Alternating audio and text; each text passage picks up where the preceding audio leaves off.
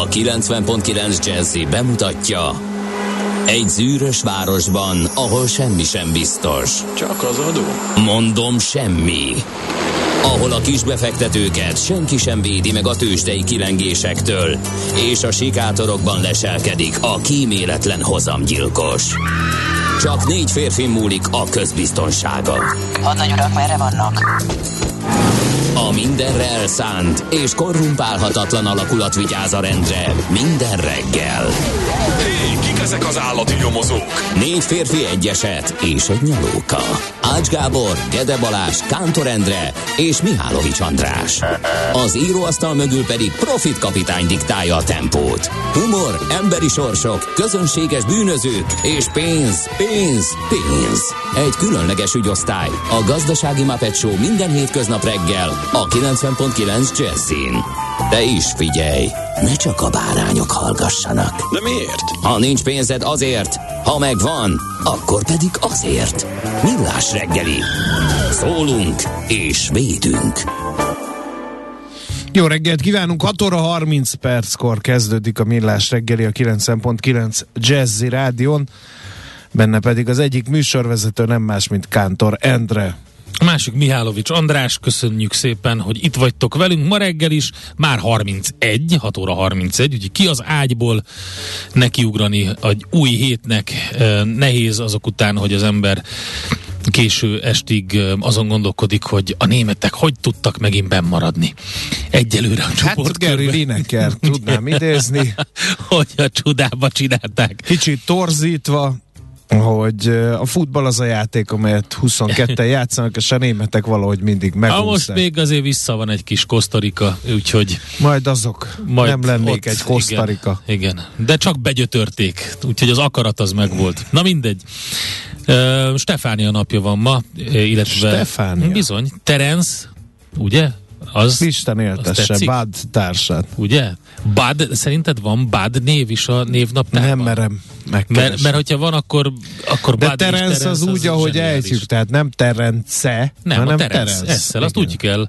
Igen. Az a Trisztánnak valamiféle alakja. E, és egyébként a kis szókrátészek is ünnepelhetnek a mai napon. E, jelük az oviban a kakas, természetesen, úgyhogy ezen kívül minden Hát az összes többi név az Igen. nagyon szokványos. 0 30 20 10 9 0 9 SMS, WhatsApp és Viber számunk is ez. Mielőtt tovább haladnánk a megemlékezésben, néhány hallgatói üzenetet osztanék meg a közzel. 25 Igen. perc alatt lehet Gödről Zugló Hermina mezőbe eljutni, délkartárs. Ezt írja, pedig erős forgalmi viszonyokat tapasztalt. D-kartárs? Igen, D, D. Nem dél, dél. D, oké. Okay. Azt mondja, hogy uh, igen. Mondjad. Aztán itt van Gézú hajkuja, uh, amely úgy hangzik, hogy rá kellett jönnöm, hogy a főzés másról szól, nem az ételről. Endre? Bizonyos tekintetben igaza van. Ennek az extrém formája a molekuláris gasztronómia, amit már úgy nem tartanak olyan divatosnak sokan, mert kicsit elment egy extrém irányba.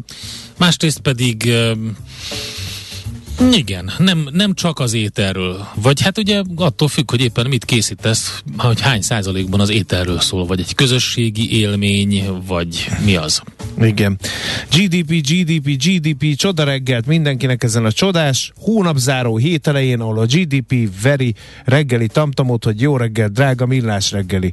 Ha dologra legyen sikeres, dologban teljes hónapzáró, hónapnyitó, de GDP-ben fertelmesen sokat mondó hetünk, írja Jack hallgató. Na, látod? Őt megfertőzted sikeresen. Hát így van. Hát Pedig mindannyian tudjuk, hogy a GDP már egy elavult fogalom. Már az rég nem nemzeti boldogságra célzol? Így van, így van. Sokkal fontosabb lenne ez, mint tudjuk a fenntartható közgazdaságtan a körforgásos gazdaságnak az egyik pillére. Az jó lenne, hogyha beférkőzne az agyakba. 1887-ben ezen a napon nyílt meg Budapest első villamos vonala a nyugati pályaudvar és a Király utca között, és ezzel Magyarországon is megjelent a villamosított közúti vasút. 1887 tehát. Még mindig a nyugati és a Király utca között lehet villamosozni, bár egy kicsit más nyomtávon és más ö, szerelvényekkel, de azért egy említést ez megérdemelt. Mint ahogy az is, hogy 1990-ben ez volt az a nap, amikor Margaret Thatcher lemondott az angol miniszterelnöki posztról. A vaslédi. Úgyhogy Báró egyébként a rangja neki, vagy volt a rangja, és az is volt az ő neve, hogy Hilda. Ezt nem használta a politikai pályafutása alatt. Hilde? Báró Margaret Hilda, Hilda Thatcher. Nagyon jó. 17, 1979 és 90 között az Egyesült Királyság miniszter. És miért mondott le? Mert arra már nem emlékszem. Azt hiszem az olajválság okozta recesszió után volt az az irgalmatlan infláció, ugye, ami, ami, ami most visszaköszönt megint, és ennek következtében um, Megbuktatták, ő nem a, mondott le. Hát, de ki le kellett mondania, szerintem. Lincolnshire megye bárónőjeként a későbbiekben is tagja volt a Lordok házának, képzeld el. Uh-huh. Igen, akkor kapott, miután lemondott, akkor kapta meg Igen. ezt a címet. Igen, a vaslédi. Nyert egy háborút az angoloknak Hát ugye megpróbálta most az új lédi és ezt a figurát, hogy kicsit itt Thatcherre hajazzon, De nem öltözködésben is, meg hát szófordulatokban is, hát a lemondásban is követte néhai elődjét, de az összes többit azt nem lehet elmondani róla, tehát teljesen más, amit Igen. ő csinált. Isten éltesse azokat a hallgatókat, akik születésnapjukat ünneplik, mondjuk, hogy kikkel születtek egy napon. Na, William ki? Blake, angol oh. költő, festő, grafikus, nem is tudtam, hogy ő festett is. Ajaj. 1757-ben született. William blake azt kell tudni, hogy ő mindenféle lényekkel uh, találkozott, és ők is ihlették egyébként költeményeinek egy részét. Úgyhogy ilyen transzcendens uh, élményei voltak neki. Ezt egyébként sok verséhez illusztrációt is készített. Például a Tiger Tiger Burning Bright. Tiger Tiger of the Night. Na, Alberto Moravia, olasz író, 1907-ben született ezen a napon.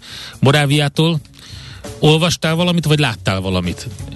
Biztos látod a Sofia Loren Olvastam, de az nem az volt. Ja, az nem az volt. Utána szóltak. A közönyösök, nem, nekem unalom... Morávia kimaradt, tényleg, sajnálom. Hát figyelj, az egy olyan, hogy az, az nagyon arra erőt, erő kell, hogy az ember, de hogyha sikerül, akkor... Akkor nem fogom olvasni, már most Ha, ha sikerül rávenned erő. magad, akkor... De egyébként nagyon kiváló filmet forgattak belőle egy asszony meg a lánya, Sophie Lorennel, az egyik a háborús regényéből. De a közönyösök és az unalom, hát az mutatja a dekadens olasz társadalomnak a vívódásait. Na, aztán Tamás Gáspár Miklós vagy, ahogy többen ismerik, TGM, ah. filozófus, 1948-ban született november 28-án. Aztán Ed Harris, amerikai színművész, Aha. ünnepel, megint csak ma van a születésnapja, 1950-ben uh, született ő. Óriási alakítás sorozata. Mi a Szikla című filmben? A fekete a férfit játsza a Westworld sorozatban.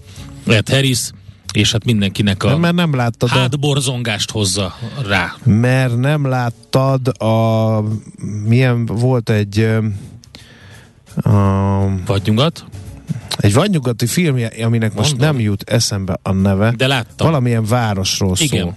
láttam. A Bizony. Viggo Mortensennel játszanak bizony, bizony, együtt bizony. benne. Ott már fekete ruhás férfit játszott. Szerintem onnan uh, vették, hogy na akkor a Westworldbe is ezt mm-hmm. el fogja tudni nyomni, úgyhogy nagyon Na jó. hát, és az utolsó születésnaposunkat neked hagytam. Nekem? Igen. A nemzet nem tudom milyen, a, a nemzet? nemzet lánya, a nemzet asszonya, Rúzsa a nemzet Magdolna, anyja. Máté Péter díjas magyar énekesnő, köszönöm, hogy nekem hagytad őt. Kisztihánt, 1985-ös évjáratú a művésznő, akinek Kisztihánt születésnapja alkalmából Ő egy példakép, aki magasra van emelve jelen pillanatban, és teszi a dolgát, megszüli a gyereket, aztán megy vissza a színpadra. Mi az? Megőrülök, amikor így nem jut eszembe. Na, majd eszedbe jut.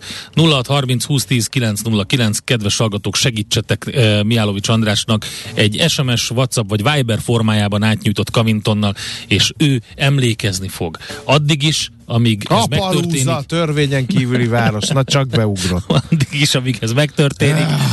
Z.G. Smith-től következik egy felvétel. Őt valaki egyszer kizárta, és azóta kiabál, hogy engedjünk, engedjetek vissza. Nézz is! Ne csak hallgass! millásreggeli.hu Na nézzük, mit írnak a lapok, nagy nemzetközi portálokat böngészve. A legnagyobb hírek ma a világban, vagy ma, mostanában. Hát az, hogy például Kínában újabb tüntetés hullám. Um, Nem bírják a kínaiak a... új, újabb tüntetés hullám kezdett el terjedni. Tehát, igen. hogy uh, ugye most a, a, legfrissebb adatok azok megint rekordot jelentettek. Um, új rekordot Kínában, a, pont a tüntetések hétvégéje után, és pontosan az éró Covid politika miatt tüntettek.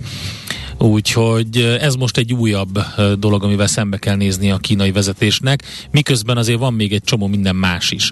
Um, ami még nagyon fontos, hát Belgiumban se lettem volna rendőr ö, a tegnapi nap után, mert hogy ö, be kellett vetni mindent. A könygáztól kezdve a vízágyúig, miután Marokkó legyőzte Belgiumot.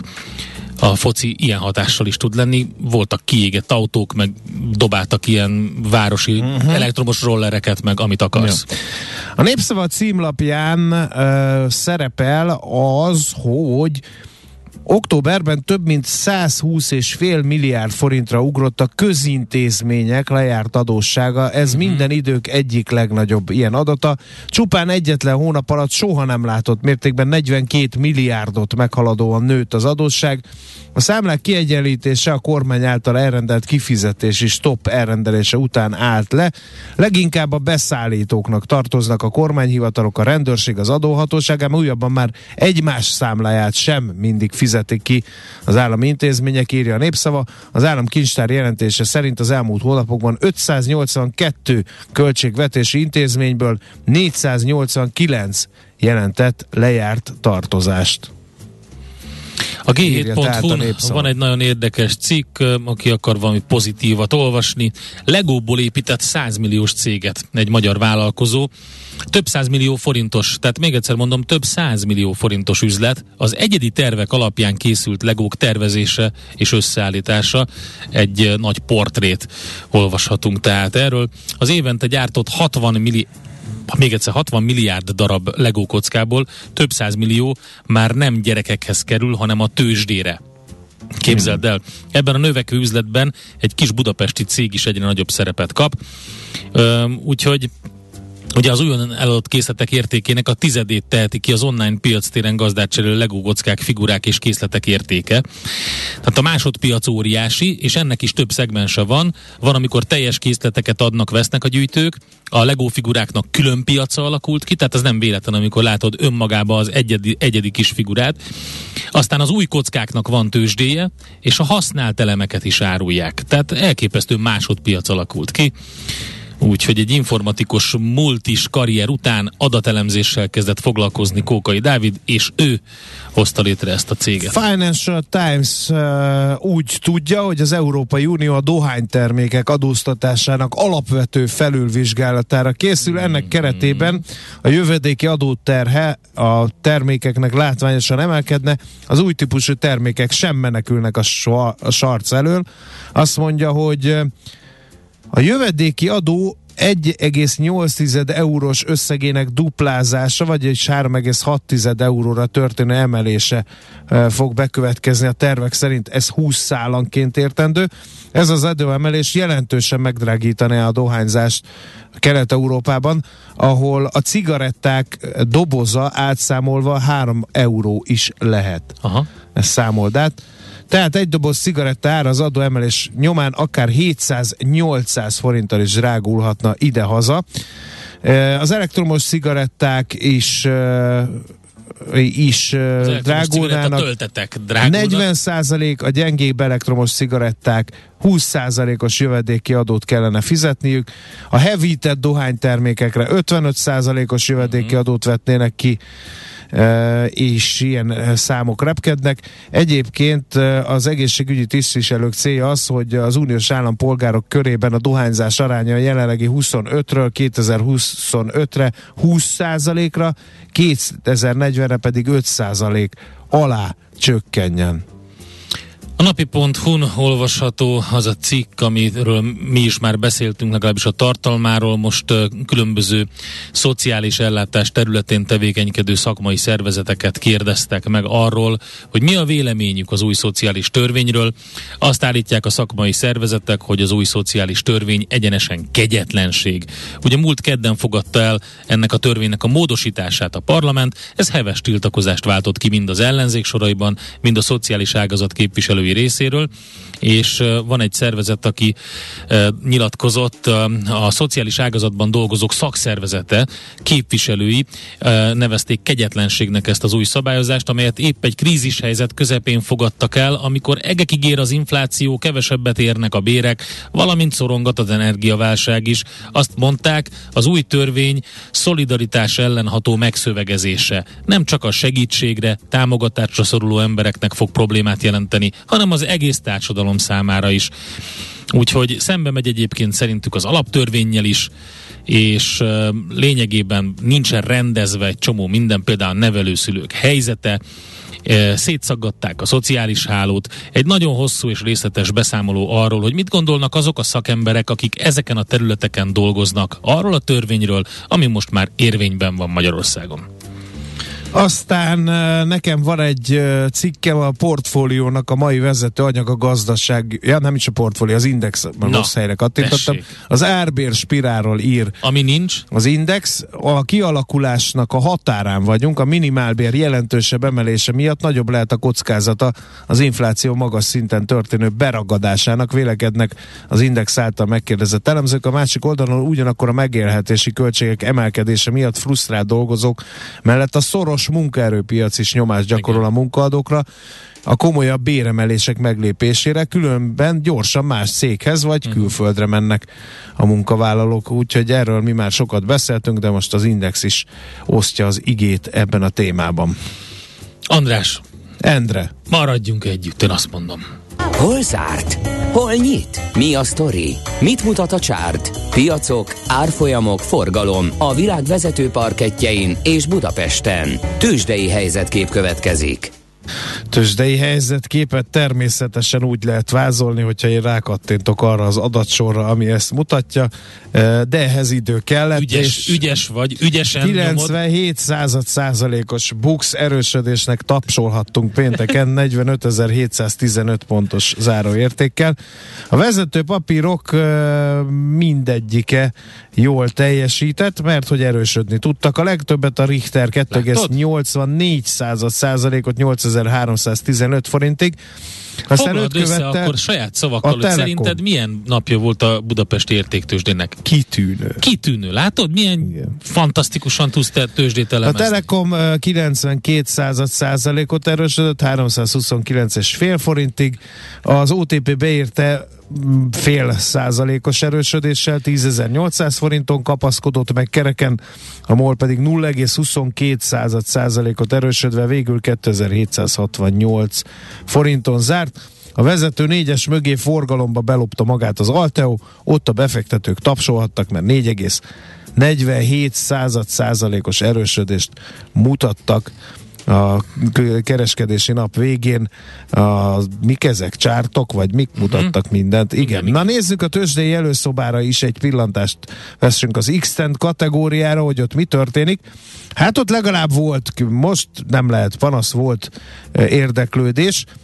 A hangulat azonban ott nem volt olyan jó, mint a vezértőzsdén, mert csak a nap tudott erősödni 1,3%-kal. Voltak viszont komoly mínuszok, például a Naturlannál 18,6%-os mínusz. A Polidukt is esett, ott nem nagy forgalomban, de 6,7%-os volt a mínusz, és a Gloster is esett 0,47%-kal. Úgyhogy ez volt az x kategória. Na de eközben Kántor Endre majd vázolja nektek, hogy mi történt a külföldi bőrzéken. Hát a külföldi bőrzék közül az amerikai össze lehet azzal foglalni, hogy csütörtökön zárva voltak a tőzsdék hálaadás miatt, pénteken pedig a Black Friday miatt volt rövid kereskedés, de alacsony forgalomban viszont 7 havi csúcsra emelkedett a Dow Jones, ez fél százalékos e, erősödés, még mielőtt valaki nagyon örülne. Alapvetően jó hangulat volt, de nem volt nagy a forgalom. De egyébként már csak 7 százalék hiányzik ahhoz, hogy új történelmi csúcsra emelkedjen a Dow Jones Index értéke. Tehát nem vagyunk olyan nagyon messze tőle. Lehet, hogy még a, az év végén egy ilyen pozitív hajrában ez sikerül is.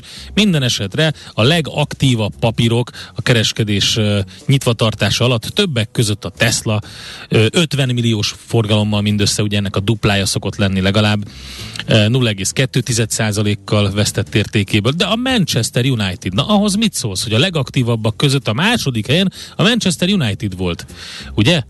Ugye Cristiano Ronaldo 13%-os plusz volt a Manchester United. Hát azért, mert végre nem Aja, kell végre, azt a rakat, végre, rakat végre. pénzt kifizetni Igen, neki, gondolom. azt mind beáraszták ide, úgyhogy ezzel az Apple-t is megelőzte forgalomban a menu papíroknak a adásvétele. Nem sokkal, 3 millió dollárral, de hát akkor is. A harmadik az Apple volt, 2%-os minusszal, az Amazon 0,7%-os minusszal volt még. Itt azt mondja, hogy hát egy pozitívat még vár, keressünk, itt nem találok. Itt az elsők között már nincsen. Na hát ilyen volt a kereskedés az Egyesült Államokban gyorsan ránézzünk arra, hogy mi történik, vagy mi történt Európában. Azt mondja, hogy alapvetően egy enyhe plusz volt az európai kereskedésben, a DAX éppen, hogy emelkedni tudott, a Párizsi mutató a Kakaron 8 század százalékos pluszban zárt, a FUCI 0,3 százalékos pluszban, és jelen pillanatban az ázsiai tőzsdéken hát nincs túl jó hangulat. A Nikke is, és a Hang Seng. Hát a Hang Senget ezt megvágták rendesen. Ugye gondolom, hogy nem tesz jót ez a tüntetés sorozat az árfolyamnak. Ott 2,4%-os mínuszt látni. A Nikkei az sokkal kevésbé vesztett értékéből. Tőzsdei helyzetkép hangzott el a Millás reggeliben. Na, mit No, hát a hallgatók? a hallgatók, akkor tallóznék, ha. Endre. Lé- Én megengedem. A könyves Kálmán kőbánya és sarok egészen titta írja Löpapa. Aztán elfelejtettük Csapó Gábor elhunytát megosztani a közvéleménnyel. Mert nem hallottak róla? De hallottak, de hogy mi is, érted? Értem. Jó, igen. Tényleg elhunyt Csapó Gábor vízilabda klasszis. Hiányozni fog. Tényleg. A tervezett EU dohányszabályozás miatt Ausztriában forradalom lesz, itthon meg szimpla csempészet jósolja egy hallgató. Teljesen felpörögve, aztán hát más így nem nagyon jött össze, úgyhogy ma még kicsit álmoskás a hangulat üzenő falunkon, de majd valami biztosan fog történni, mert hogy tarhálni kezdünk közlekedési információkat, mert Jó. a hírek után, amelyet ezúttal Legyen Schmidt valami Andi új prezentál, legyen valami, igen. Már hogy milyen? Hát, hogy a, te, te, mi, tehát Új a, tarhálós. Ke, találj ki valamit létszes, amivel adni fognak. Hát ez nem Most, jó. hogy az új szociális törvény gyakorlatilag azt mondja, hogy mindenki a saját magával foglalkozzon, és azt, igen, így van, és na, most valami, szerintem kell, hogy valami jó dumád legyen. Na, várunk.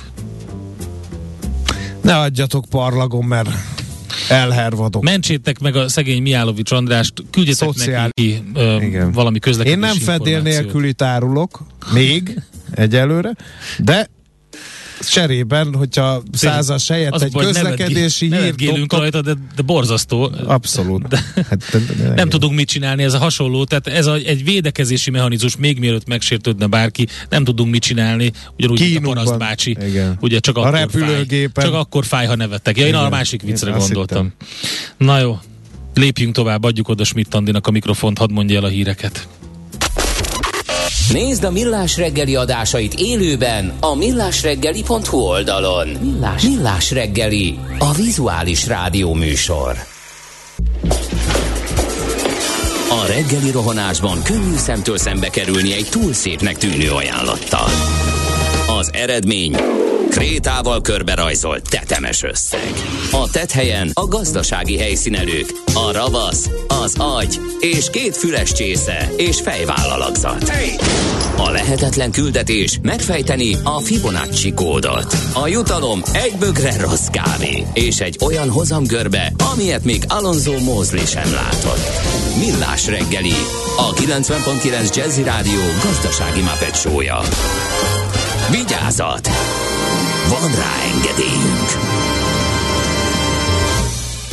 A Millás reggeli fő támogatója a Schiller Autó család ZRT. Skoda Schiller márka kereskedés Újpestről. Schiller Autó család. Autók szeretettel.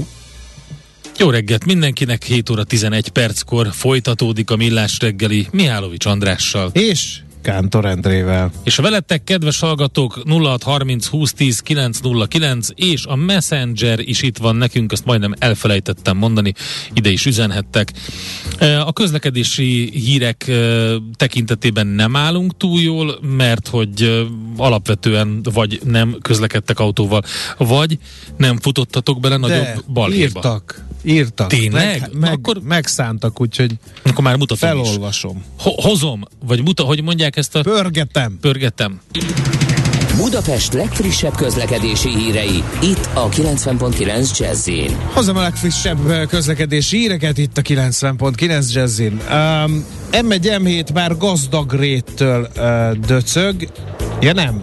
M1 M7 az Osztyapenkótól döcög, az egy előző üzenet volt, én meg rácsaptam itt. Azt mondja, az M3-as befelé a Hungaroring után beállt, két perc egy helyben, majd elindult. A szerémi mind a két irányban suha, megmentettünk Andris Áve, írja Viktor a filmszakértő. Aztán a 11-es Leányfalu felől két kilométer sikerült megtenni 25 perc alatt. Az M3-as bevezető a szokásosnál is rosszabb. Kellemes hétkezdetet. Aztán... Ajaj, bizony. a, mi van még itt? A, igen, 11-es út elesett, többen El- írjátok. Baleset Szentendre Szentendreben, a sor vége Tahitót faluban. Kettő személygépkocsi Igen. ütközött össze a 18-as kilométernél a főváros fele vezető oldalon a külső sávot lezárták. Négyes főúton is baleset volt, a hármas főúton Kerepes belterületén volt karambol a 20-as kilométernél csak félpályán engedik át a járműveket, és az M30-as autópályán az M3-as felé vezető oldalon Szikszó térségében egy kamion árokba hajtott, ott a 40-es kilométernél a külső sávot elkerítették. Az M85-86-os jól járható, Tibornak hála az információért, illetve az M5-ös bevezető is áll ebben a pillanatban kaptuk ezt a hírt. Budapest, Budapest, te csodás! Hírek, információk, érdekességek, események Budapestről és környékéről. Hát van itt egy csomó érdekes info, közlekedésileg, lehet, hogy érdekes lehet annak, aki városnézésre akar menni az adventi villamossal, mert hogy ismét útjára indul a BKV különleges UV nosztalgia villamosa. Ezúttal azonban nem a megszokott fényruháját ölti magára, hanem adventi hangulatú belső díszítése teremt ünnepi hangulatot a szerelvényen, idén pedig fontos küldetése is van a BKV adventi villamosának, alkalmat kínál utasainak, hogy adományjal segítsék a leginkább rászorulókat. Úgyhogy több vonalon lehet találkozni vele, többek között majd december közepén, a, pontosan 17-én szombaton a 47-es vonalán, aztán a Deák Ferenc tér és a Budafoki Városház tér között fog közlekedni 10 és 17 óra között, ez a járattal pedig hétköznap délutánonként 14 és 17 óra között, pedig a kettes villamos vonalán lehet utazni. Úgyhogy ez egy külön, különleges adventi villamos, tehát a kettes és a 47-es vonalán is feltűnik. Harcot hirdetett az illegális hulladék lerakók ellen Igen. az Óbudai önkormányzat. Állandó problémát jelent ugyanis ez uh, arra felé, kül- és belterületen egyaránt uh, 20%-kal nőtt a tavalyi év azonos időszakához képest a kijelzett hulladék. Jellemzően építési hulladék és nagy darabos lomok találhatóak illegálisan kihelyezve ide-oda, amoda. 11 ezer köbmétert szállítottak el, ez hatalmas anyagi terhet ró az önkormányzatra, ezért lakossági bejelentések alapján meg a közterület felügyelők segítségével adatgyűjtést végeznek a kollégák az, el, az elkövetőre vonatkozóan. 19 esetben feljelentést is tettek a helyszínen észleltek alapján eljárás is indult. Alternatív megoldásokat is szeretnének bevetni az illegális hulladék kihelyezése ellen. Ilyen a térfigyelő kamerák telepítése, illetve a rendszeres ellenőrzés, vagy akár a drónos felderítés Hát is. szerintem a térkamera is jó, de nyilván itt van egy, vannak adatvédelmi aggályok is, de az, hogy 11 ezer köbméter a mennyisége ennek most eddig idén, az valami egészen elképesztő. Igen. És azért az is látszik, hogy nem csak Óbuda küzd ezzel. Én azt figyeltem meg, hogy nagyon sok olyan terület van az országban, ahol egyszerűen nőtt az illegálisan kiézett hulladék. Tehát magyarán a szemét ki van dobva valahova, és, és tényleg nem kéne visszajutni arra a szintre, ahol már jártunk, és borzasztó szégyenérzete van az embernek, meg nem csak az, hanem, hanem rendkívül káros is. Szóval az a lényeg, hogy most például Budabékás megyer közterületén vannak akciók, és hogy erre próbálnak odafigyelni. A másik érdekesség, az pedig a második kerületi karácsonyfa, mert hogy bringahajtású karácsonyi világítást kapott a második kerület karácsonyfája.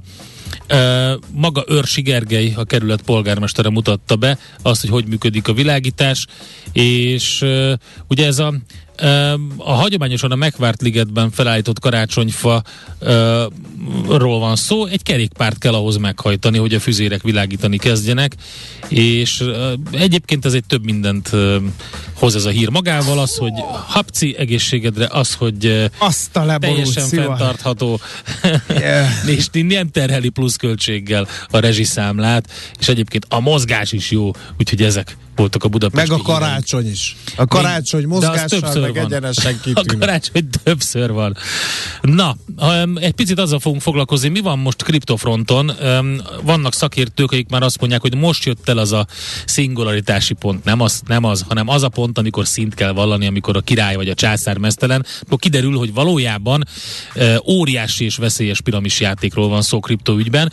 Uh, mások azt mondják, hogy hát ez nem is igaz, mert hogy ez a liberális gazdaságtól üveghangra csiszolt eszköze a teljesen decentralizált és szabad valuta. Mm, Ezzel, hogy összeomlott az FTX, és lényegében a, a Binance is benne van abban a buliban, meg hogy rengeteg pénz a fene tudja hol van, valószínűleg sehol, és elpárolgott. Ezzel azt mondom, hogy az előző hangokhoz húz egy picit jelenleg a helyzet, de hogy Mit mond erről egy szakértő, aki közgazdász és fintech szakértő, Nemes Dániel, azt megtudjuk a zene után. Nekünk a Gellért hegy a Himalája. A millás reggeli fővárossal és környékével foglalkozó rovata hangzott el. Nincs új a nap alatt.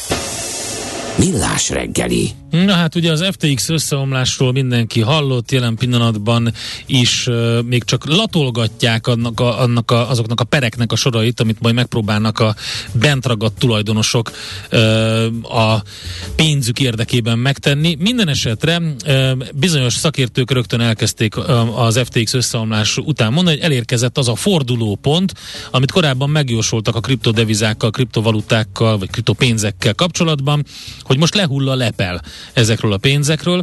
Ugye az egyik hang az volt, hogy a liberális gazdaságtannak az üveghangra csiszolt eszközéről van szó, magáról arról a, az eszközről, ami teljesen decentralizált, szabad, és csak a piac szabályait követi.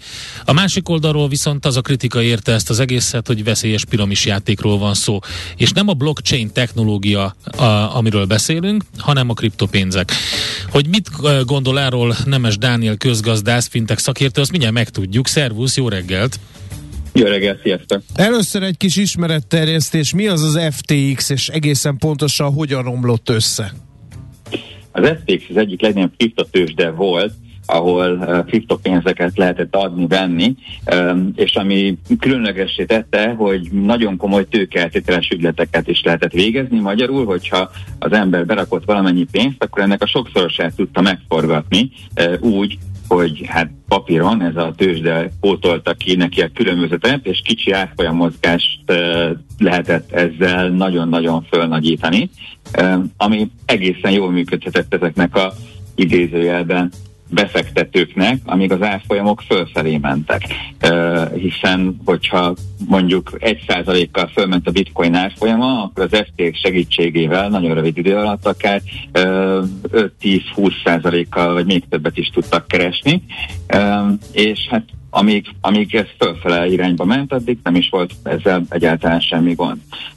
Most, hogy lefele mennek az árfolyamok, most már azért egyre nagyobb bajt tudott ez okozni. Különösen, hogy azok a kamatok, amiket kínált nagyon sok kriptotős, de így az FTX és a betett mindenféle kriptopénzek után, azok hát, mint kiderült, tulajdonképpen egy pilótajátékot finanszíroztak, és valójában azok a pénzek egyáltalán nem voltak meg az FTX-nél, amiről ezt állították, hogy ott van így aztán amikor elfogyott a valós pénz, ugye a, a kimutatott pénz és a valós pénz közötti olló egyet nőtt, és amikor a valós pénz elfogyott, akkor egyik pillanatra a másikra omlott össze a, az FTX. Tehát akkor nem olyan egyszerű a helyzet, hogy a FTX tulajdonosa, aki erős, erős mondatokkal közölte, hogy bedől az FTX, az elmes egyszerűsége ellopta ezt a pénzt.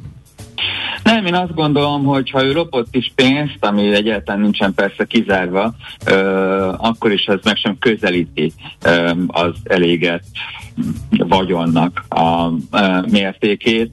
Ö, lehet, hogy lopott, ezt nem tudjuk, ezt majd uh, kiderítik. Um, de elképesztő bonyolult cégstruktúrát hozott létre, tehát nem olyan egyszerű ezt kideríteni egyáltalán, hogy most akkor lopott vagy nem lopott belőle, de az biztos, hogy uh, a túlnyomó többséget nem ellopta, hanem egyszerűen sosem volt meg. Uh-huh. Ott van ez a Sam Bankman-Fried, ugye SBF rövidítéssel nevezett ember, az egyik kriptomessiás, ugye az FTX-nek a, a, a, a tulaja és annak a konglomerátumnak a, a tulaja, aki lényegében még egy alapot is pénzelt ebből az egészből.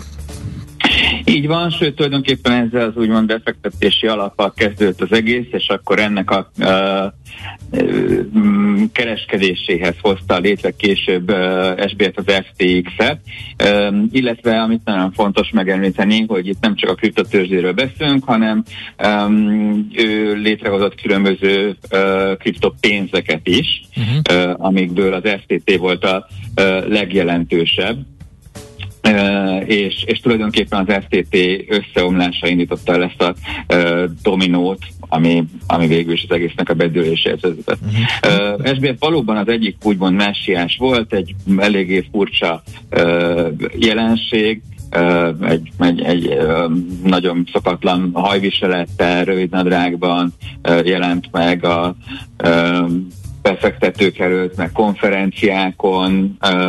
Most már inkább komikusnak hangzik az, amit eddig mondtak róla, hogy milyen mm, szokatlanul forradalmi volt az, hogy miközben a befektetőkkel dollármilliárdokról beszélt a közben, mindenféle videójátékokkal játszott egyébként nem túl tehetségesen ez, ez, ez olyan, olyan vagánynak tűnhetett ezek szerint sok befektető számára, akik most akarják a fejüket, hogy Na most akkor, uh, egy érdekes és stratégiai kérdést tennék fel. Ugye a kriptodevizákat nagyon sokan támadták, köztük jegybankok is, meg a bankok is erre a kriptósok mindig azt mondták, hogy na jó, mert féltik a pozíciójukat. Na most eljött az igazság pillanata, mert hogy oké, okay, bedölt egy kri- kriptotős, de mondhatnánk, lapozzunk tovább, majd valahogy túléri magát. Legnagyobb. De hát egy akkora presztízs veszteség ez az egész kriptónak, hogy, hogy erre a példára mutogatva bizonytalanná válhat az egész jövője, hiszen mondhatják a szabályozó hatóságok, hogy na ezért kell szabályozni. Viszont, hogyha megszabályozzák, akkor a kriptó elveszíti pont azt a vonzerejét, ami miatt Jó, Szerintem akkor részletesen nézzük ezt meg, ezt a kérdést, mert több minden elhangzott benne. Az egyik az, hogy pont az a mítosz, egyik mítosz, az egyik legenda, vagy, vagy, vagy vonzerű, hogy decentralizált. Igen, ugye nagyon sokan mm, az előző válságnál úgymond csalódtak a hagyományos pénzügyi rendszerben, és akkor az az alóli szabadulásnak az egyik jelképe tulajdonképpen az egész kriptopiac. Uh, és, és hát idáig mm, ugye végig azt mondták, hogy jaj, hát milyen jó, hogy ez nem a hagyományos szabályozás alá tartozik, sőt, hát semmilyen szabályozás alá nem tartozik, a piac majd ezt szépen eldönti, és, és hagyja mindenki őket békén. Most pedig nyilván, hogy elégett a pénzük ebben a csalásban, meg a többi csalásban, meg hát ki tudja, hogy a további csalásokban mennyi fog még elégni, már is szabályozás után kiáltanak, hogy hó, hát hol vannak itt a szabályozók, meg a rendőrség, meg mindenki. Na most Uh, ugye a kriptopénzeket az én véleményem szerint leginkább a hit tartja uh, életben, hiszen nincsen mögöttük egy uh, olyan fedezet, uh, ami egy normál pénz mögött meg lenni. Ugye ott már nincsen aranyfedezet a hagyományos pénzek mögött sem most már jó pár évtizede, viszont ott van a mögöttük lévő államoknak a gazdasági, politikai, katonai ereje. Jó, az is egy bizalom egyébként, tehát ott is egy bizalom tartja életben a, a normál pénzeket, és csak utána van, van, van, amit felsorakoztattál mögötte. Így van, pontosan, tehát ezt a bizalmat ezek a dolgok támogatják meg. A kriptopénzek mögötti bizalmat kérdés, hogy mi e, támogatja meg. E, az én megítélésem szerint a szintiszta hit, illetve ez a pilóta játék, ami nagyon sok mindenre visszavezethető, többek között arra az elképesztő pénzfúrásra, amit két éven keresztül a jelentősebb központi bankok végeztek tehát a pénz kereste a helyét és megtalálta többek között a folyamatos árfolyam növekedésben lévő kriptopénzekben, ami most, ahogy visszafordult, erősen eltűnőben van egyébként is, és valóban most a bizalom is megingott, hiszen, hiszen most látjuk az árnyoldalát annak, hogy nincsen szabályozás, de, de akkor decentralizált ez az egész? Tehát az, amiben a szabadság hívei hisznek, ez a dataista hozzáállása, az új vallásnak a hozzáállása, ez, ez, ez igaz? Decentralizált? Független a nagybankoktól és a gazdag bankároktól? Én azt gondolom, hogy nem, elképesztő vagyonkoncentráció van a kriptopénzekben. Ez pénzenként változó, hogy a legnagyobb 10-50-100 uh, tulajdonos az mekkora részét birtokolja az egyes kriptopénzeknek, de jóval jelentősebbet mint a, a hagyományos pénzeknél. Tehát minden esetben jóval jelentősebb még az igen elterjedt a bitcoinnál, illetve Ethereumnál is a top néhány tulajdonos az, az, az elképesztő részét teszi ki az összes tulajdonosnak. Tehát ilyen szempontból már is nem decentralizált technikailag, természetesen ez lehet attól még mhm. decentralizált, viszont pont azért, mert itt ugye bonyolultabb kriptográfiai eljárásokról van adott esetben szó, a technikát az átlagember nagyon sokszor nem tudja biztosítani magának, és ezért vesz, veszi igénybe ezeket a különböző kriptotősdéket, hogy ott kereskedjen a pénzekkel. Amikből hát ugye most egy igazán nagy maradt a Binance az FTX beomlása után, de az én javaslatom mindenkinek az volna, hogy onnan is vegye ki a pénzét. Persze a igazi házkor kriptohívők azt mondják, hogy hogyha nem a saját tárcádban tartod a, illetve nem a saját kulcsaiddal tárolod a, a a kriptopénzeket teljesen függetlenül a, ezektől a tőzsdéktől, csak akkor van biztonságban, hogyha ha, nem náluk tartod, és ebben bizony valóban van sok igazság is, csak hát attól még ugye, hogy fizikailag vagy hát logikailag megvan ez a kriptopénzet, nem biztos, hogy annak értéke is van. Mi jön, uh, mi jön most szerinted? Oké, okay, maradt a, a, a Changpeng Zhao-nak a, a Binance tőzsdéje, tehát akkor az most a legnagyobb szereplő, aki egyébként kivonult az FTX megmentéséből, mert volt egy alkalom, hogy ugye betársuljon, finanszírozza ezt a buktát, és ő legyen a nagy, aki fölemészti a kicsit, de amikor látták, hogy itt azért elég komoly szövetségi büntény, meg ilyesmi merül fel, akkor ők is kihátrált csináltak belőle? Um, igen, ez egy nagyon uh, vicces történet. Ugye uh, az előző nagy uh, kripto összeomlásnál itt a uh, tavasz végén, nyár elején uh, pont SBF volt az, aki uh, a kriptovilág megmentőjeként próbált egyszelegni, és, uh, és úgymond kimentette a bajba jutott kriptocégeket, illetve az abba befektetőket, uh, és rögtön meg is jelentek a egyébként elég szomorúan mértékadónak tekintett eh, pénzügyi lapokban is, hogy ő most itt az új eh, Jean-Pierre Paul eh, Morgan, aki ugye annak idején a, a nagy pénzügyi válságban mentette ki a bankokat, de tulajdonképpen itt arról volt szó, hogy elképesztő összefonódás van ezek között a különböző kripto vállalkozások a tőzsdéik, illetve a pénzek között keresztbe kasul hiteleznek egymásnak, és hogyha a pilóta játéknak az egyik eleme megborul, akkor előbb-utóbb az egész meg fog borulni, és ezért is mondom, hogy, hogy a Binance-ból is érdemes kiszedni nagyon gyorsan pénzeket az én meglátásom szerint, mert, mert a pilóta játéknak ez is része, nekik is nagyon sok pénzük marad benn részint az FTX-ben, részint már korábban összeomlott más kriptovalutákban, illetve hát más kriptovalutákkal is ugyanez a helyzet, hogy nem biztos, hogy hely tudnak állni az összes követelésért. Akkor leáldozott a kriptóknak? Mert hogy közben pedig azért elindultak olyan fejlesztések, nagy bankházak, meg befektető cégek, hogy mindenki elkezdett saját kriptót fejleszteni. Um, igen, ez egy nagyon érdekes kérdés. Én azt gondolom, hogy, hogy itt megint csak érdemes, ahogy a műsor elején is mondtátok, különbséget tenni a blockchain, illetve a különböző kriptopénzek között. Azt, hogy a nagyon nagy bankházak elkezdték a saját blockchain alapú kriptopénzeiket megcsinálni, én azt gondolom, hogy ez most valóban vissza fog egy picit esni, a lendületből visszavesznek, mert egyszerűen amikor ránézünk az árfolyamokra, akkor idáig lehetett talán azt mondani, hogy hogy, hogy ebből nem lehet kimaradni, de azért ami az idén történt a kriptopénzek világában, hogy még a legjelentősebbek is elvesztették az értéküknek a a, a, a, a túlnyomó részét, tehát az árfolyamok hetedükre, nyolcadukra estek, uh, még a, a megbízhatóbbnak tűnő, vagy nagyobb uh, kriptopénzeknél is, uh, ez éppen nem motiválja őket arra, hogy ezeket a fejlesztéseket most nagy erőkkel folytassák. Fú, okay, hát Akkor hát jön a kriptotél, ezzel riaszgattak azért uh, már jó előre.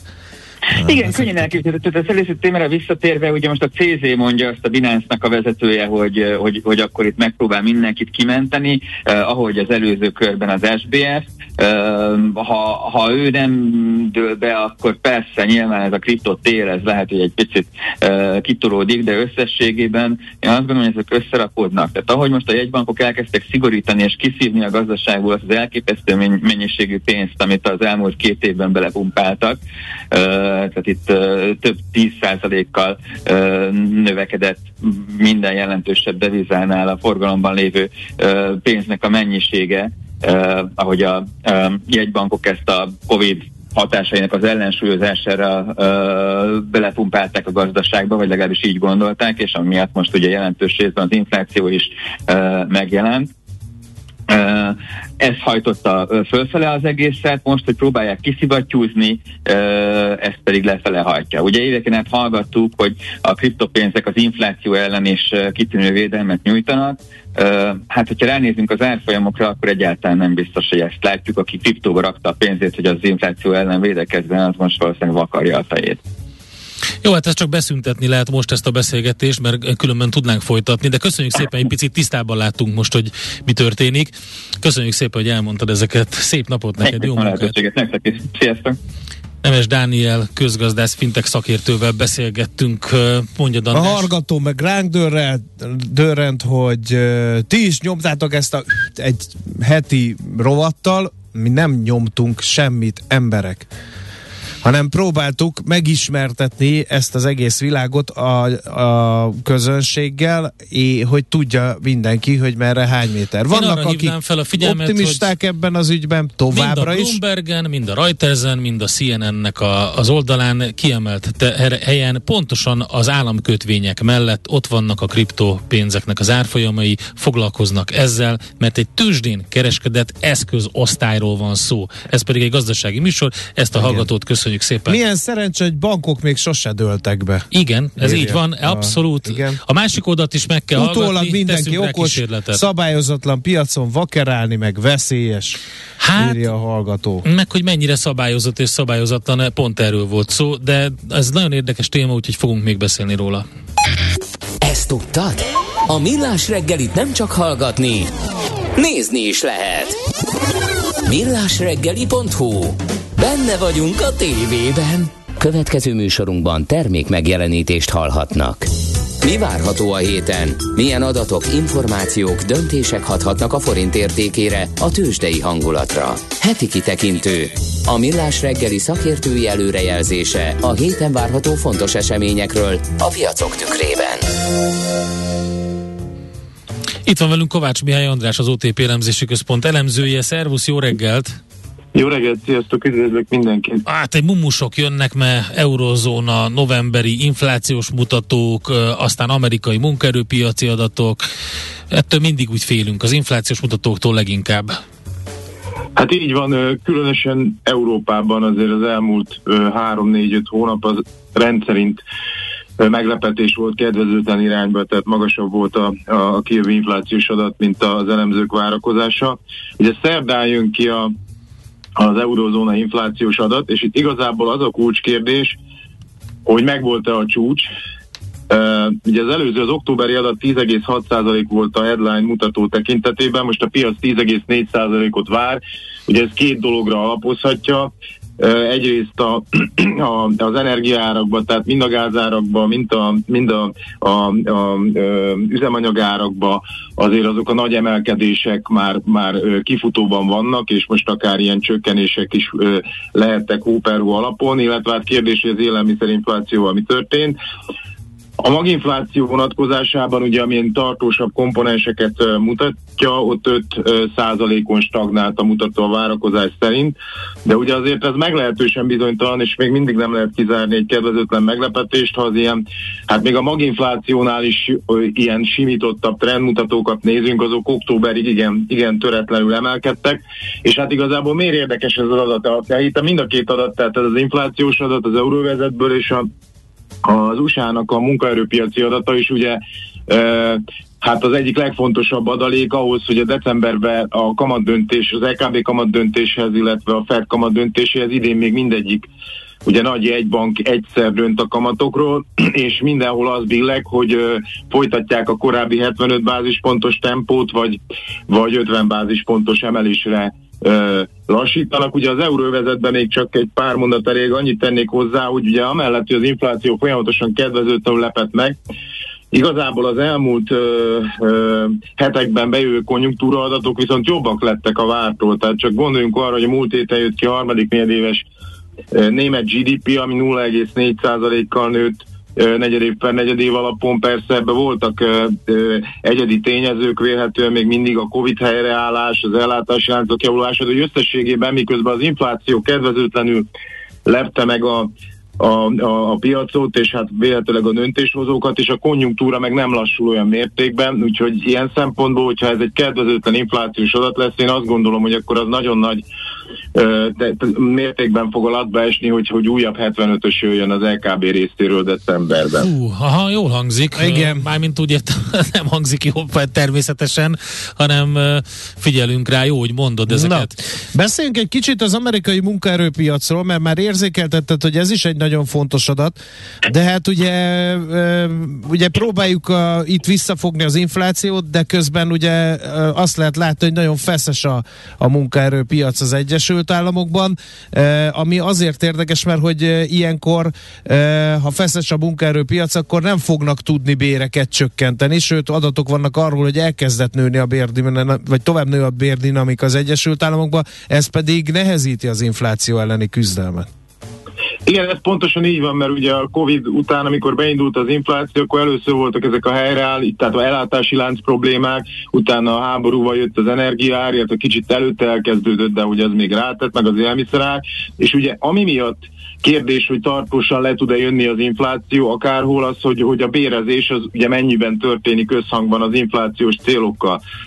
És ugyan az USA esetében egyébként az utóbbi pár hónapban azért egy kis lassulást láthatunk, még mindig közel 5% a a bérdinamika, és egyébként vannak a jövő évi bérezésről ilyen különböző mutatók az Atlanta Fednek van egy ilyen bér trackerje, hogy úgy mondjam, tehát ami próbálja követni ezeket a dolgokat, hát ott meg ilyen 6-7 os bér dinamikák is, is tehát azt, azt, azt mutatja igazából, és mindenközben meg ugye hát októberben is gyakorlatilag 261 ezerrel nőtt a foglalkoztatás, a munkanélküliség éppen, hogy emelkedett, még mindig gyakorlatilag historikus mélypont közelében, tehát nem látszik az, hogy az eddigi kamatemelések, illetve az egyéb felsorolt problémák, azok érdemben kevésbé tették volna feszessé a, a munkapiacot. Ugye ez egyrészt olyan szempontból jó hír, hogy lehet, hogy az amerikai gazdaság egy ilyen soft landinggel, egy ilyen puha landolással meg tudja úszni ezt a, a, a felszigorítást, de másrésztről viszont nyilván, hogyha, hogyha meg nem nagyon lassul a munkapiac és a konjunktúra, akkor meg a Fednek is ö, tovább kell menni, így hát ö, nem nehéz belátni, hogy ez is miért lehet jelentős mértékben piacmozgató. Úgyhogy Igen, pénteken van az némi adat. optimizmus az amerikai tőzsdékben, ugye tényleg a mindenkori csúcsától már csak 7%-ra van a Dow Jones, azt nem gondoltuk volna korábban, hogy így visszatornázza magát Hát, szépen lassan, de azért majd Nekem meglátjuk. legyen mondva, mert közben meg eh, nem győznek figyelmeztetni a hozzáértok, hogy indokolatlan ez az Igen, optimizmus. igen, izgi. Igen, hát itt, itt részben egyébként a múlt héten, amennyire ö, én követtem, ugye az is volt, hogy, hogy a Fednek is kijött egy jegyzőkönyve, és ott azért egyre több döntéshozó azt mondja, hogy meg kéne várni, tehát most már gyakorlatilag ö, közel 400 bázisponttal emelték a kamatokat, hogy akkor ennek mi a hatása, hogy egy kicsit most akkor óvatosabbá kéne válni, és hát nyilván erre ráugrottak a piacok. Csak ugye itt az a baj, hogyha meg a bejövő adatok azok, azok nem igazolják azt, hogy itt bármi történnek, így inflációs szempontból kedvező folyamat, akkor hát, hát akkor pedig még lehet meglepetés a kamatokban. Úgyhogy Oké, okay, Misi, ez két Hát, nagyon igen. fontos adat, mind a kettő abszolút direkt hatással van ránk is. Igen.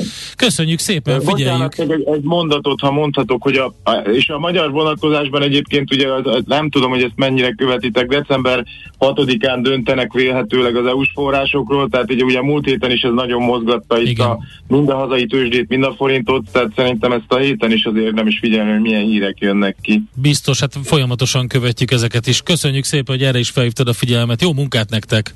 Oké, okay, köszi szépen, sziasztok, hello. Kovács Mihály Andrással beszélgettünk, az OTP elemzési központ elemzőjével. Heti kitekintő rovatunk hangzott el. Mire érdemes odafigyelni a héten? Mi elmondjuk. Ha a külső és a fellépés csal, akkor a benyomás semmit sem ér. Millás reggeli. Hát egészségpénztárakról beszélgettünk már többször, és azt lehet látni, hogy az utóbbi évtizedekben a magyar egészségügyi kiadások 30%-át a magánszereplők finanszírozzák, ami pedig mind európai, mind régiós összehasonlításban elég magas szám. A magánfinanszírozásról és az egészségpénztárakról lesz szó Magyarországon. Dr. Váradi Péter van itt velünk, a Prémium Egészségpénztár stratégiai tanácsadója. Jó reggelt kívánunk! Jó reggelt kívánok! Üdvözlöm a hallgatókat! Hogy eh, alakult, hogy ilyen magas lett Magyarországon a, az, hogy eh, magánszereplők finanszírozzák a, az egészségügyi kiadásokat? Hát ez a helyzet ez régóta fönnáll, tehát az utóbbi talán tíz évben ez, a, ez, a, ez az arány ez állandó volt, tehát ez a 30% körüli arány.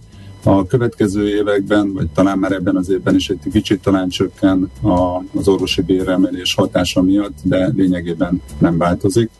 Ennek az összetétele is érdekes. A, az utóbbi időben egyre nagyobb szerepet kap a, a magánegészségügynek nevezett, amit az a köznyelv magánegészségügynek nevez, tehát a, a, a magánorvosi ellátás, fogászati ellátás, magánszakorvosi ellátás, diagnosztika.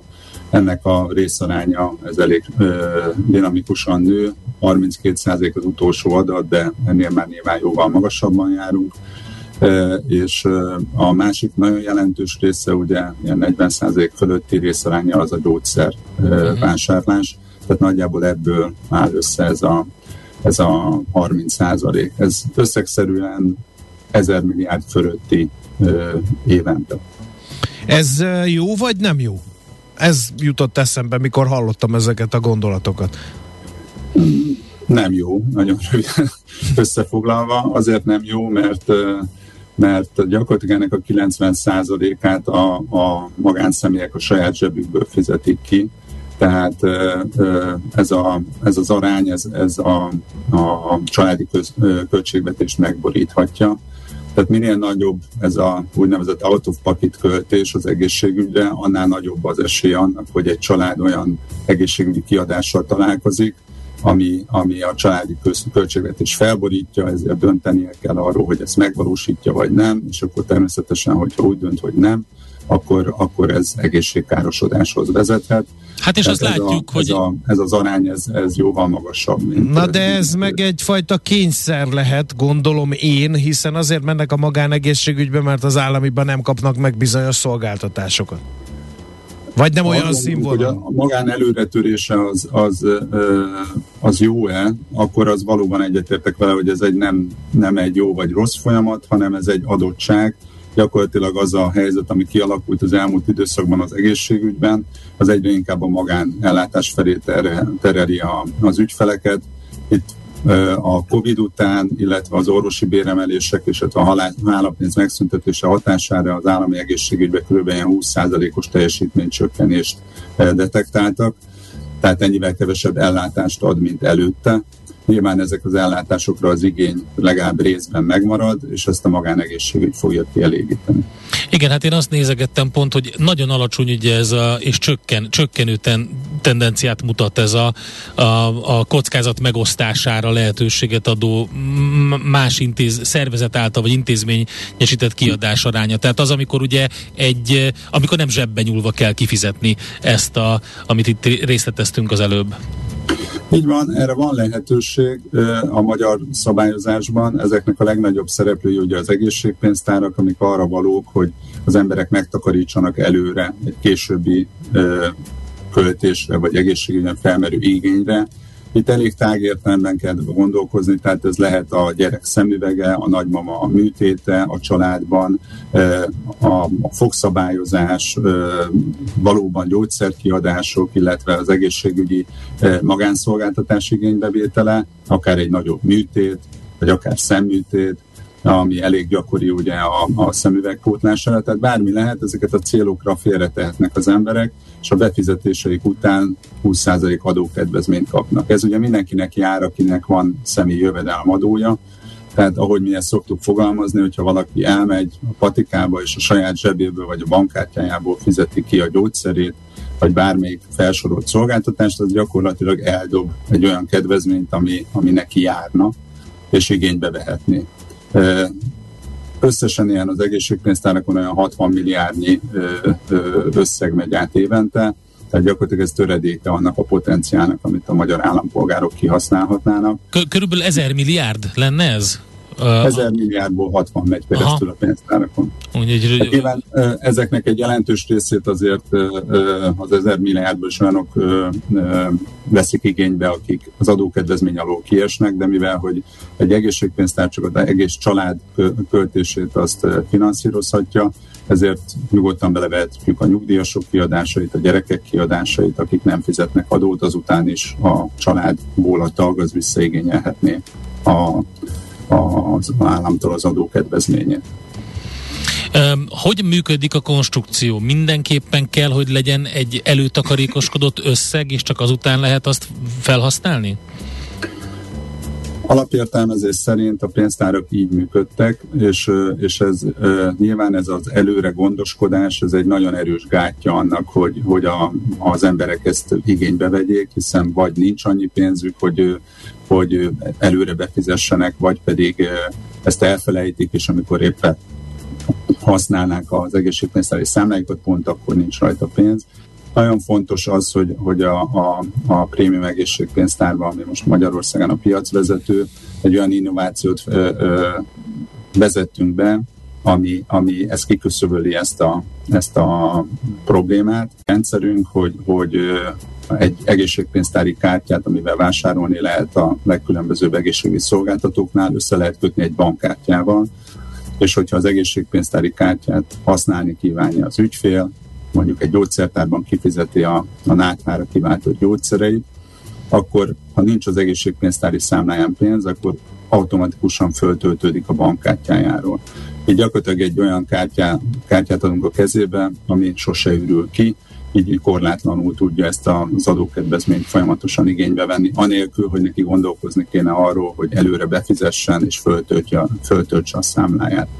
Ez egy nagyon népszerű szolgáltatás nálunk, és azt lehet látni, hogy azok az ügyfelek, akik ezt valóban alkalmazzák, ők kétszer-háromszor annyi adókedvezményt tudnak egy évben Hát igen, igen, és elég széles nem azt jelenti, hogy ezért többet költenek, hanem azt jelenti, hogy azokat a kiadásaikat, amik egyébként megvannak, azokat automatikusan tudják átforgatni ezen a rendszeren.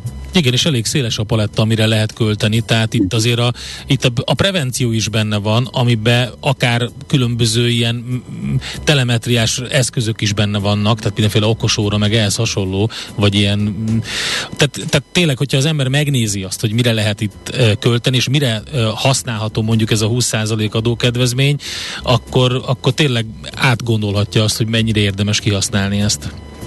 Igen, hogyha ezt az 1000 milliárdot visszaosztjuk ugye e, lakosság számra, akkor több mint 100 ezer forint jut e, egyetlen egy állampolgára. Hogyha most a, a Jazzy Rádió hallgatói vennénk, akik véhetően sokkal jobb anyagi helyzetben vannak, mint mondjuk az átlag magyar populáció, akkor ez, ez emberenként 200-250 ezer forint lehet, tehát családonként, egy háromtagú családban is kijön ilyen 750 ezer forint ilyen költés. Ezt, hogyha a hallgatók magukban néznek és megpróbálják fellistázni, akkor véletlenül nem fog sikerülni, mert olyan, olyan kiadások vannak benne, amit nem észlelünk, vagy nem uh-huh. tekintünk, nem tartunk számon. Ha viszont ö, ö, ténylegesen ezeket számba vennénk, akkor kijönnének ilyen eszközök, és ilyen, ilyen összegek. Oké, okay, nagyon érdekes téma. Köszönjük szépen Péter, hogy ezeket Folytatjuk elmondta. is majd. Folytatjuk a következő alkalommal. További szép napot, jó munkát kívánunk! Én is mindenkinek. Dr. Váradi Péterrel beszélgettünk a Prémium Egészségpénztár stratégiai tanácsadójával az egészségpénztárak helyzetéről, meg a magánfinanszírozás helyzetéről Magyarországon. Jön Schmidt Andi a legfrissebb hírekkel, információkkal, mi megyünk tovább, és majd 8 óra után adóvilág rovatunkkal jelentkezünk. Adóvilág rovatunkban pedig a Holland-Kelet-Indiai Társaság útvonalain hajózunk, és hát ugye érintettük Afrika legnyugatibb részét, most sokkal délebbre megyünk egészen a dél-afrikai köztársaságig. Hé, te mit nézel? Nem tudtad? A Millás reggelit nem csak hallgatni, nézni is lehet. millásreggeli.hu Nézzünk, mint a moziban!